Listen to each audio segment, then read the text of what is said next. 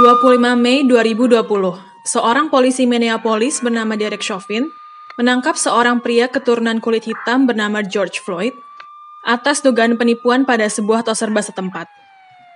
Mirisnya, penangkapan itu dilakukan secara berlebihan dan melewati batasan protokol penangkapan hingga menyebabkan George meninggal di tempat. Salah satu rekan George merekam kejadian tersebut dan menyebarkannya di media sosial. Rekaman tersebut berakhir viral dan menjadi salah satu bukti penguat yang menjadikan Derek Chauvin sebagai tersangka kasus pembunuhan tingkat 2. Hampir setahun kemudian, pada Maret 2021, isu kebencian, tindakan kekerasan, dan diskriminasi terhadap warga negara Amerika keturunan Asia mencuat dan marak terjadi. Toko-toko milik warga Asia dirampok, penyerangan tanpa alasan terhadap warga keturunan Asia oleh penduduk sipil, serta ujaran kebencian semakin merajalela. Isu ini mulai membuat geram penduduk global. Bahkan, BTS tidak luput dari sasaran. Majalah Tops merilis karikatur beberapa artis terkemuka termasuk BTS. Di saat artis lain disajikan dengan apik, BTS justru digambarkan tengah babak belur.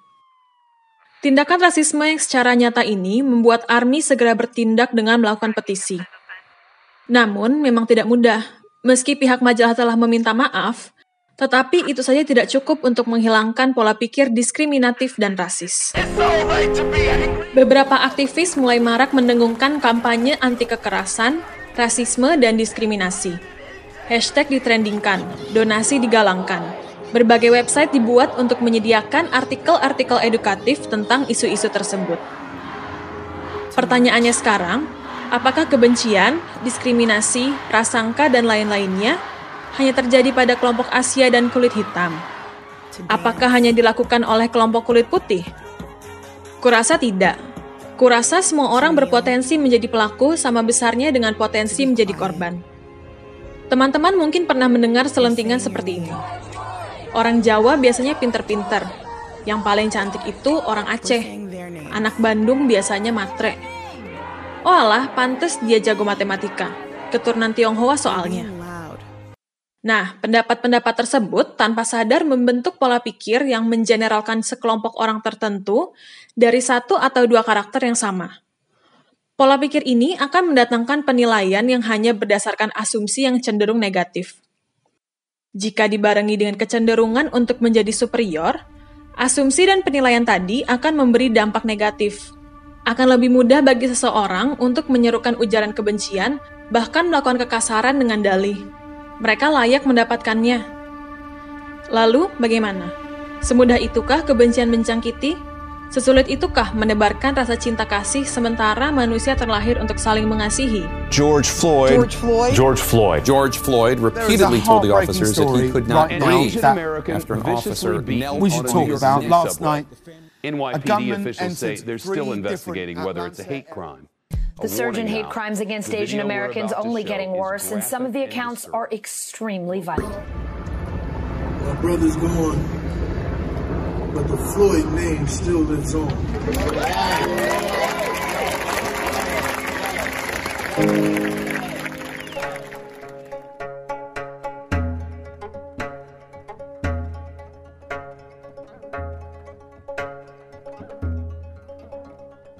Hai, aku Dila, salah satu tim speaker dan manajemen di AHC yang akan menjadi pengisi episode kali ini. Podcast kali ini membahas tentang prasangka, diskriminasi, dan bagaimana kita sebagai individu menghadapinya. Podcast ini tidak akan membahas siapa yang salah, siapa yang bertanggung jawab, atau apakah ada kepentingan individu atau unsur politik di dalamnya. Enggak, kita nggak akan membahas itu. Karena itu bukanlah hal yang paling penting saat ini. Aku akan membahas mengenai berbagai isu tersebut dari segi definisinya. Dan aku harap kita bisa bersama-sama merefleksikan diri, melihat apakah ada sisi-sisi itu di dalam diri kita dan bagaimana mengubahnya. Karena, tanpa sadar, memiliki sebuah identitas tertentu membuat kita terkadang membandingkan diri dengan orang lain. Dan hal itu bisa mengarah ke dampak negatif yang lebih besar jika kita tidak mampu menghadapinya dengan bijak. Ada tiga hal yang aku bahas di sini, yaitu stereotype, prasangka, dan diskriminasi. Pertama, stereotype. Stereotype adalah etika di mana seseorang memiliki penilaian terhadap orang lain berdasarkan identitas kelompok orang tersebut. Contoh, orang Batak itu kasar, orang Madura itu suka marah-marah. Jika kita mempercayai persepsi ini, kemudian bertemu dengan seseorang yang berasal dari Madura, maka hal pertama yang terpikirkan adalah dia pasti suka marah-marah dan cari masalah. Sebaiknya aku tidak berteman dekat dengannya. Padahal, tidak semua orang Madura itu suka marah-marah. Lingkungan tinggal Madura yang berjarak membuat mereka harus berbicara dengan lebih lantang agar lawan bicara bisa mendengarnya. Dan hanya karena mereka memiliki intonasi yang lantang, tidak berarti mereka hobi cari masalah. Bagi sebagian, berbicara lantang identik dengan marah-marah. Tapi bagi sebagian yang lain, berbicara lantang adalah tanda ketegasan dan keberanian. Bagi orang Madura, suara lantang justru biasa dan lumrah, Sebab begitulah cara mereka berinteraksi sosial. Mengeneralkan seseorang atau sekelompok orang berdasarkan persepsi yang terbatas adalah stereotip. Dan sayangnya, stereotip yang bertahan justru yang negatif. Stereotip positif cenderung tenggelam sebab tidak banyak dibicarakan. Griffith dan Houston menyatakan bahwa stereotip merupakan jalan pintas dari proses mental dalam memahami orang lain atau membuat penilaian terhadap orang atau kelompok lain. Proses ini sering terjadi tanpa pertimbangan lebih lanjut dan hanya diterima saja tanpa kritik oleh individu. Stereotip yang terpelihara dalam waktu lama dan bahkan dibudayakan oleh masyarakat akan mengakibatkan munculnya prasangka atau prejudis dan diskriminasi. Kedua konsep tersebutlah yang kemudian diduga menjadi salah satu penyebab tetap berlangsungnya berbagai pertikaian antar kelompok masyarakat di suatu wilayah. Prasangka muncul ketika stereotip direspon dengan sebuah sikap tertentu. Sikap ini cenderung negatif dan melibatkan unsur menghakimi dan terkadang menjadi sebuah keyakinan yang sebenarnya belum terbukti kebenarannya.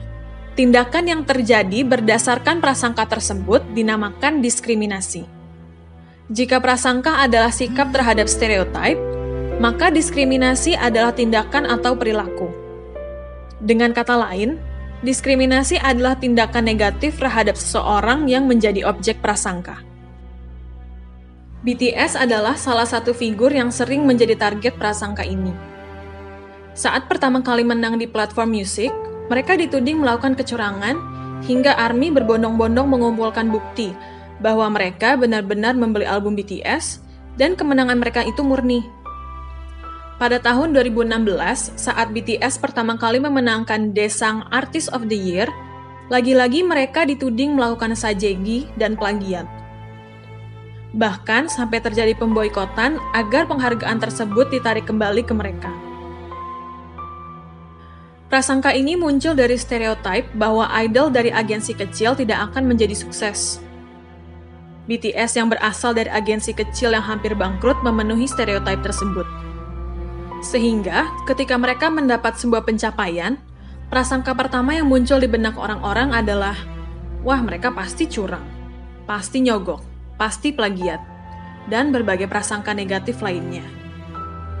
Jika prasangka ini dibiarkan, maka akan berlanjut ke tahap tindakan, tindakan mendiskriminasi, kekerasan, dan lain-lain.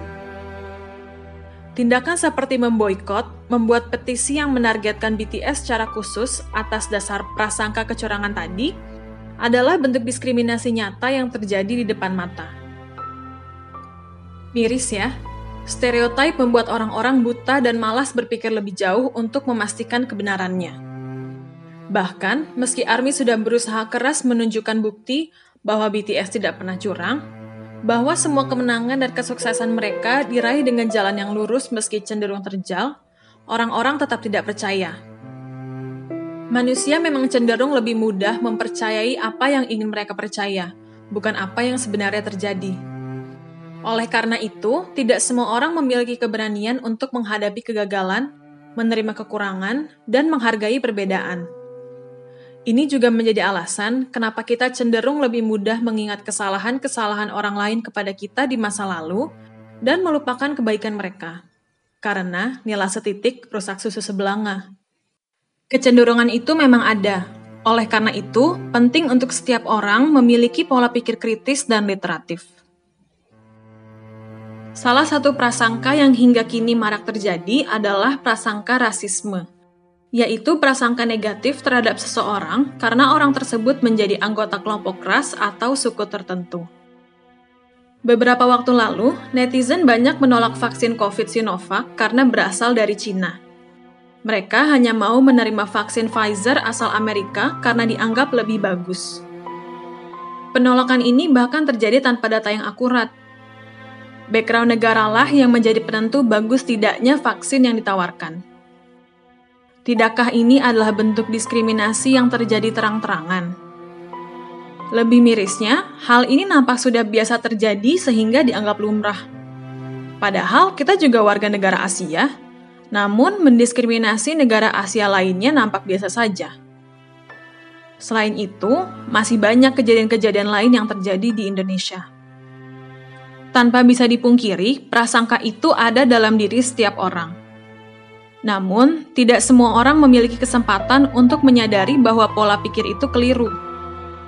Aku ingat sempat menonton video di mana seorang remaja keturunan kulit putih yang dimarahi oleh ibunya karena telah ikut serta dalam kampanye Black Lives Matter. Menurut sang ibu, kampanye itu salah. Menurut sang ibu, sang anak harusnya mendukung ras mereka yang memiliki kasta lebih tinggi. Sang anak terlihat sangat kaget hingga menangis, karena sang ibu sendiri ternyata berpikiran rasis dan tidak terlihat merasa bersalah. Jujur, sebelum mempersiapkan podcast ini, aku sendiri tidak mengerti kenapa perbedaan fisik menjadi masalah. Bukankah membosankan jika semua orang memiliki kemiripan sempurna hingga tampak seperti hasil cloning atau grosir dari pabrik? Aku adalah orang keturunan Jawa yang terlahir di Jayapura sehingga tempat kelahiran di akta lahirku adalah Jayapura. Ketika kembali ke Jawa untuk bersekolah, aku banyak menerima ledekan. Padahal fisikku ya orang Jawa sama seperti mereka. Namun ledekan itu tetap mereka lontarkan hanya karena aku terlahir di Jayapura, Irian. Memang bukan ledekan ekstrim dan bully yang mereka lontarkan. Namun, hal itu cukup membuatku berpikir, apa yang salah? Apa yang salah dengan terlahir di Jayapura? Mananya sih yang layak untuk diledek? Hingga semakin dewasa, aku semakin sadar bahwa terkadang perbedaan, hal baru dan asing mungkin akan memicu prasangka dan diskriminasi. Terkadang bisa jadi kita tidak sadar bahwa kita sudah memiliki prasangka-prasangka tertentu, bahwa kita sudah menuangkan ujaran kebencian dengan dalih pembelaan diri Lalu, apa yang bisa kita lakukan? Cintai dirimu dan kekuranganmu sendiri. Kulitmu yang sawo matang, rambutmu yang khas, bentuk wajahmu yang unik, nilaimu yang terkadang tidak memuaskan, sifat cerobohmu yang terkadang menyusahkan, apa pun hal-hal yang menurutmu kurang dari dirimu, terlepas dari apakah itu karena rasmu atau karena karakter personalmu, cintai itu. Karena Sebenarnya semua kekurangan itu normal. Semua itu ada untuk mengimbangi kelebihanmu dan menyempurnakanmu sebagaimana adanya. Kedua, tanamkan dalam dirimu bahwa kekurangan orang lain bukanlah urusanmu. Sama seperti dirimu yang memiliki kelebihan juga kekurangan, orang lain juga sama. Beberapa orang ada yang sedang berproses menjadi lebih baik. Beberapa orang ada yang memilih diam di tempat kita hanya perlu fokus ke diri sendiri dan menjadi lebih baik. Orang-orang di sekitar akan melihat itu, dan mereka yang tergerak akan ikut berubah. Yang ketiga, setiap kali kamu hendak menyampaikan pendapat tentang orang lain, coba perhatikan lagi. Apakah pendapat tersebut sudah tulus? Apakah ada prasangka atau asumsi tanpa sebab di sana? Jika kamu tidak yakin, coba minta salah satu teman dekat yang kamu percaya untuk mengeceknya. Dengan begitu, bisa meminimalisir penyebaran hal-hal negatif. Keempat, jangan ragu untuk mengucapkan terima kasih, menyampaikan pujian, dan memberi dukungan kepada orang-orang yang sedang berusaha memerangi diskriminasi. Kamu mungkin tidak sadar dampak besar satu ucapan tulusmu untuk mereka. Kelima, Jangan ragu juga untuk menegur orang lain yang menurutmu telah menyebarkan ujaran kebencian atau berita hoax. Namun pastikan kamu menegur mereka dengan lembut ya. Itu akan membuat mereka lebih mudah menerima masukan tanpa merasa dipojokkan. Keenam, ayo kita putus siklus prasangka yang ada. Prasangka sebagai suatu sikap bukan merupakan bawaan atau herediter, tetapi merupakan proses belajar dari lingkungan seperti guru, orang tua, teman, serta media. Orang tua yang mempunyai prasangka terhadap kelompok tertentu akan menurunkan sikap tersebut kepada anaknya melalui proses belajar sosial. Anak yang mempunyai sikap rasial akan menurunkan sikap tersebut kepada anaknya kelak. Proses tersebut terjadi berulang-ulang membentuk suatu siklus. Siklus ini dapat diputuskan dengan menghentikan proses pembelajaran prasangka dari lingkungan. Dan yang terakhir, jangan ragu untuk mengenal lebih jauh. Jika kamu memiliki prasangka terhadap kelompok orang tertentu, cobalah untuk mengenal mereka lebih dekat. Jika mereka memang seburuk prasangkamu, kamu tinggal menjauh. Jika mereka tidak seburuk itu, prasangkamu akan lebih mudah untuk dihapuskan, dan kamu akan lebih mudah untuk meyakinkan orang lain untuk mengubah prasangka mereka. Pilihan ada di tanganmu. Dunia ini memang masih kacau, bahkan mungkin akan semakin kacau.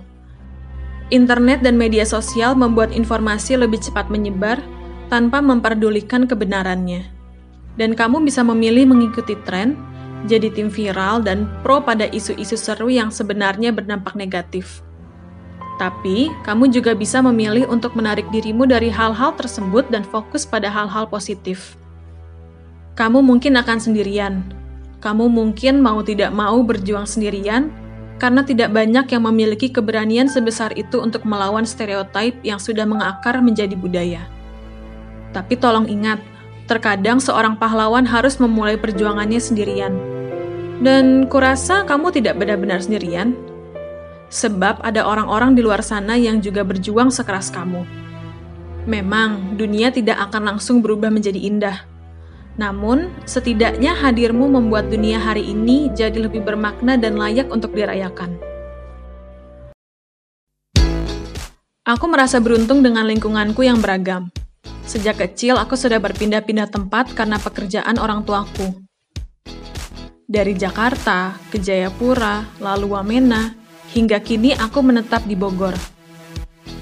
Teman-teman orang tuaku juga berasal dari berbagai ras. DNA itu membuatku belajar secara langsung banyak kebiasaan dalam agama dan budaya yang berbeda denganku. Selain itu, aku juga bersyukur menjadi ARMY. BTS adalah alasan aku menyadari lebih banyak isu-isu seperti kesehatan mental, stereotip, dan diskriminasi serta isu-isu lain yang sedang dihadapi orang-orang di sekitarku dalam diam. BTS dan ARMY juga menjadi alasan AHC lahir, alasan podcast ini dibentuk. Semoga podcast ini membantumu memahami lebih dalam dan membantumu memperbaiki pola pikir yang negatif dan menggantinya dengan hal-hal yang positif. Biasanya, manusia cenderung mencari sosok paling sempurna sebagai idola dan seorang public figure menjadi terobsesi menjadi sempurna demi penggemar mereka. Fakta bahwa BTS memilih menjadi tidak sempurna dan fokus menjadi nyata membuat mereka jadi panutan yang sempurna untukku. Karena sejatinya, kesempurnaan memang tidak pernah ada. Kesempurnaan itu adalah pola pikir yang bisa kita kontrol setiap kali menilai sesuatu. Seperti masakan asin seseorang yang terasa sempurna bagi lidah orang yang menyayanginya. Terima kasih sudah mendengarkan podcast ini. Dan terima kasih sudah memutuskan untuk memilih cinta dan menebarkan kebaikan. Sampai jumpa di episode selanjutnya. Bye bye.